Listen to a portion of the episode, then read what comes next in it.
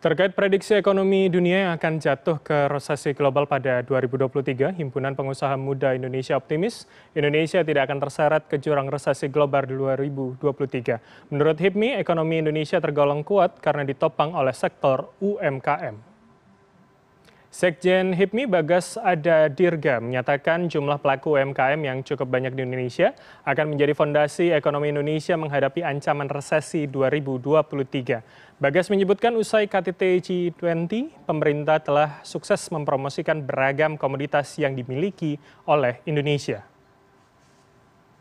Menurutnya saat ini bergantung pada para pengusaha dalam mengolah komoditas tersebut menjadi bernilai lebih sehingga bisa dijual. Bagas juga meminta agar pemerintah memberikan insentif kemudahan berusaha, mengucurkan permodalan perbankan bagi pelaku UMKM dan tidak menerapkan pajak berlapis bagi pelaku usaha agar ekonomi kerakyatan dapat terus bergerak. Pemerintah juga harus menjaga tingkat konsumsi masyarakat agar kurva permintaan serta penawaran tetap stabil serta terhindar dari ancaman resesi global 2023. Saya rasa tidak ya, karena banyak sekali investasi yang masuk dan proses hilirisasi pun sudah terjadi saat ini.